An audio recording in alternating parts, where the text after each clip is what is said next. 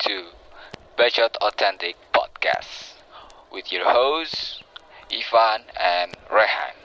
This podcast will share about industry, creative, and lifestyle. Ooh, yeah, yeah, yeah, yeah, yeah. Oke, kita lanjut lagi.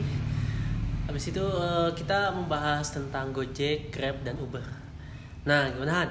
Tentang ketiga brand jasa transportasi online ini nih. Oke, pertama Gojek asal Indonesia Hmm. dibuat oleh Nadiem Makarim. Terus kedua Grab Yep. dari Singapura ya. Hmm. Terus yang ketiga Uber dari Inggris. Hmm. Gojek itu ada sekitar lima tahun yang lalu. Nadiem Makarim itu dulu kerja di Zalora kalau nggak salah. Terus datang ke kampus, sorry datang ke kantor pakai mobil selalu lecet. Pakai taksi pun sama. Terus dia pakai transportasi lain kayaknya nggak pernah mendukung dia gitu di Hmm, Jakarta. hmm. Akhirnya dia pakai ojek. Nah, terus eh, lama-kelamaan dibuat komunitas kayak ojek-ojek yang mau dijadiin jasa transportasi online Iya. terus dia bangunlah websitenya dia bangunlah aplikasinya sampai akhirnya jadi Gojek Hmm. nah mungkin pencetusnya tetap si Uber dari Inggris Iya. Muncullah si Nadiem Makarim bikin karena karena dia udah punya karena dia udah punya ide Ya. buat ya ini kayaknya ojek bisa jadi transportasi yang disewain Hmm. dibuatin aplikasinya eh, modelnya sama kayak Uber Hmm.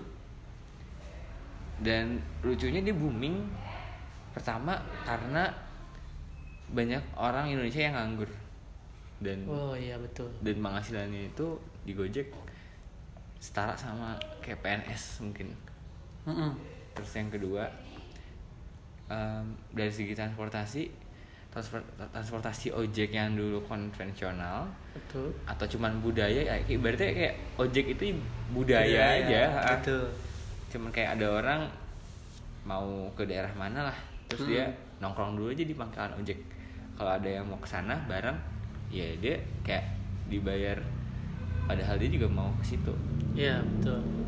itu ojek terus eh, jadi kayak budaya dijadikan sebuah eh, peluang bisnis Iya. Ya kan? Betul. nah Uber udah masuk ke Indonesia Hmm. Grab udah masuk ke Indonesia Panda Pan, Food Panda pernah dengar nggak Food Panda Pernah?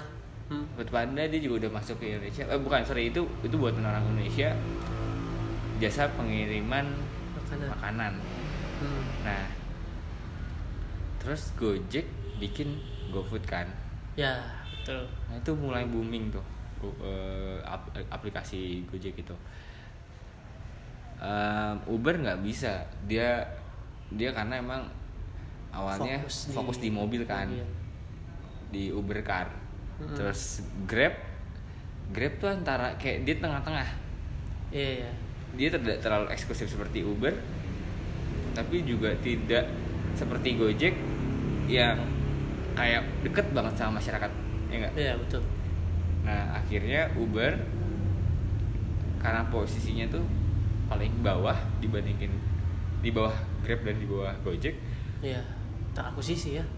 eh, iya Uber minta untuk di- diakuisisi perusahaannya Oh gitu. minta untuk diakuisisi dia cuma minta saham berapa persen ya mungkin itu untuk khusus di Indonesia Mm-mm. jadi dijual sama Uber sama drivernya sama customernya semua Hmm. tapi banyak juga katanya driver-driver Uber yang nggak mau masuk ke Grab Hmm. malah pindahnya ke Gojek jadi strategi yang Hmm. Kurang rapi ya kayaknya emang udah udah benar mereka kalau digabungin bisa mengalahkan Gojek tapi karena mungkin transisinya tuh nggak rapi Mm-mm. Gojek membuat itu jadi sebuah peluang Hmm. yang yang nggak mau pindah ke Grab pindah ke Gojek aja ya Wow, kan? wow. kita Gojek pun tambah tambah besar Food Panda juga sebenarnya dia pionir ya yang pertama kali membuat jasa pengiriman makanan Ya. Tapi punya kelemahan maksimal 20 km terus dia tuh punya value kalau beli di Foodpanda kemasannya itu punya punya eh, manfaat anti panas gitu kayak kalau beli mie goreng atau bakso kan kalau udah dingin gak enak Iya. Foodpanda itu punya tempat wadah khusus gitu buat Oh, buat see. tahan panas ya ya ya Nah, padahal customer itu tidak butuh itu. Tidak Hmm. butuh yang penting makanan panas sampai rumah. Itu enggak. Itu mungkin buat orang Indonesia nomor dua. Tapi nomor, nomor satu adalah yang penting aplikasi itu makanannya banyak. Ya, Harganya murah. Hmm. Terus eh yang penting makanannya cepat. Ya kan? sampainya Sampainya ya. cepet. Hmm, betul Nah, akhirnya banyak perusahaan-perusahaan uh, kayak UKM gitu yang kerjasama sama Go GoFood GoFood. gitu. Karena merasa emang penjualannya dibantu, sangat-sangat terbantu oleh GoFood. Hmm, Karena Food Panda dia Yes, ya. sekarang udah tutup. tutup ya Iya. Hmm. Sayang juga sih ya, dua-duanya Hmm, tuh hmm. sebenarnya punya inovatif, ya ya kan? Hmm. bahkan Food Panda udah me- me- apa mengeluarkan atau spend uang banyak untuk mempromosikan Food Panda sayang sebetulnya nah Hmm. untuk Uber Grab sama Gojek Hmm. yang unik adalah finansial teknologi yang dikeluarkan oleh si Gojek yaitu GoPay Wah, GoPay itu eh, salah satu fintech yang paling banyak dipakai oleh orang Indonesia Hmm. bahkan saking besarnya dia BUMN sekarang bikin link aja itu adalah perusahaan fintech di gabungan antara BNI, BRI dan Ma- Mandiri. Hmm. Mereka tadinya punya masing-masing punya fintech masing-masing sekarang digabung. Digabung pun tidak bisa mengalahkan GoPay GoPay transaksi Wow. perharinya. Sekarang OVO sudah mulai masuk ke Indonesia Hmm. dan kelihatannya OVO agresif sih dia agresif Iya. berani subsidi berani untuk memberikan voucher dan lain-lain Hmm. kerjasama dengan startup yang udah udah menjadi unicorn Hmm. ya kan contoh misalnya Grab Ya, Tokopedia betul Tokopedia Bay- bayangin eh, dia tuh harus harus kayak siap untuk mengeluarkan uang banyak demi kerjasama dengan mereka Hmm. tapi itu juga tetap tidak bisa mengalahkan transaksi GoPay GoPay. betul sih GoPay masih nomor satu nomor dia. satu gokil sih Hmm. nah di Makarim tuh emang apa ya bisa dibilang orangnya tuh tidak tidak ambisius mungkin tapi visioner visioner Hmm. itu sih untuk Gojek, Grab dan Uber. Yang mudah-mudahan Gojek bisa go internasional. Oh iya, katanya juga Gojek udah buka juga ya di salah satu negara di Filipina gitu. Nah di Makarim katanya ketika Gojek kan udah dekakron ya. Jadi eh, dari media informasi yang saya dapat juga itu Gojek telah membuka entah di satu negara mana Filipina atau apa sedang akan membuat juga katanya ekspansi lah gitu. Mungkin juga itu jadi suatu kebanggaan ya untuk negara Iya. Indonesia bisa maju gitu untuk eh, go internasional gitu. Iya, harusnya. Hmm. Oke, eh, pembahasan yang ketiga ini udah selesai. Eh, kita lanjut lagi ke next ke segmen, Segmen berikutnya. berikutnya.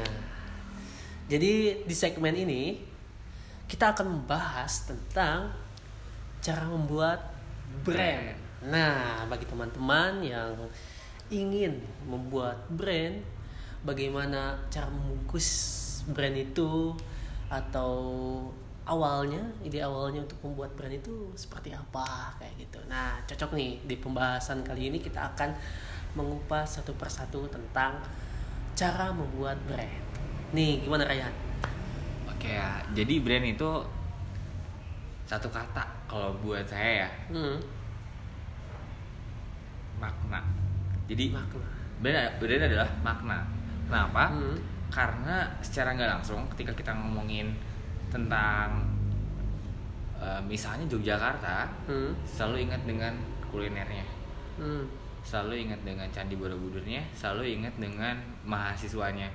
Jadi kayak makna dari Jogja adalah itu, Hmm. ya kan? Atau mau sebaliknya, ketika kita ingat gudeg ingat Yogyakarta ketika kita ingat yang lain nih misalnya ingat mochi ingat Sukabumi betul makna dari mochi eh, salah satunya Sukabumi makna dari Sukabumi salah satunya adalah mochi Iya. atau ada juga yang bilang itu sebuah filosofi filosofi itu diambil dari dua ma- dua kata ada philo dan sofi Hmm. philo itu artinya cinta dan sofi saya kurang saya lupa ya artinya apa artinya brand itu juga membuat orang jatuh cinta Wow. ya enggak Ya, makasih yang sudah mendengarkan. Jangan lupa share kepada teman-teman eh, teman-teman juga yang lainnya. Terima kasih. Assalamualaikum warahmatullahi wabarakatuh. Yeah, yeah, yeah.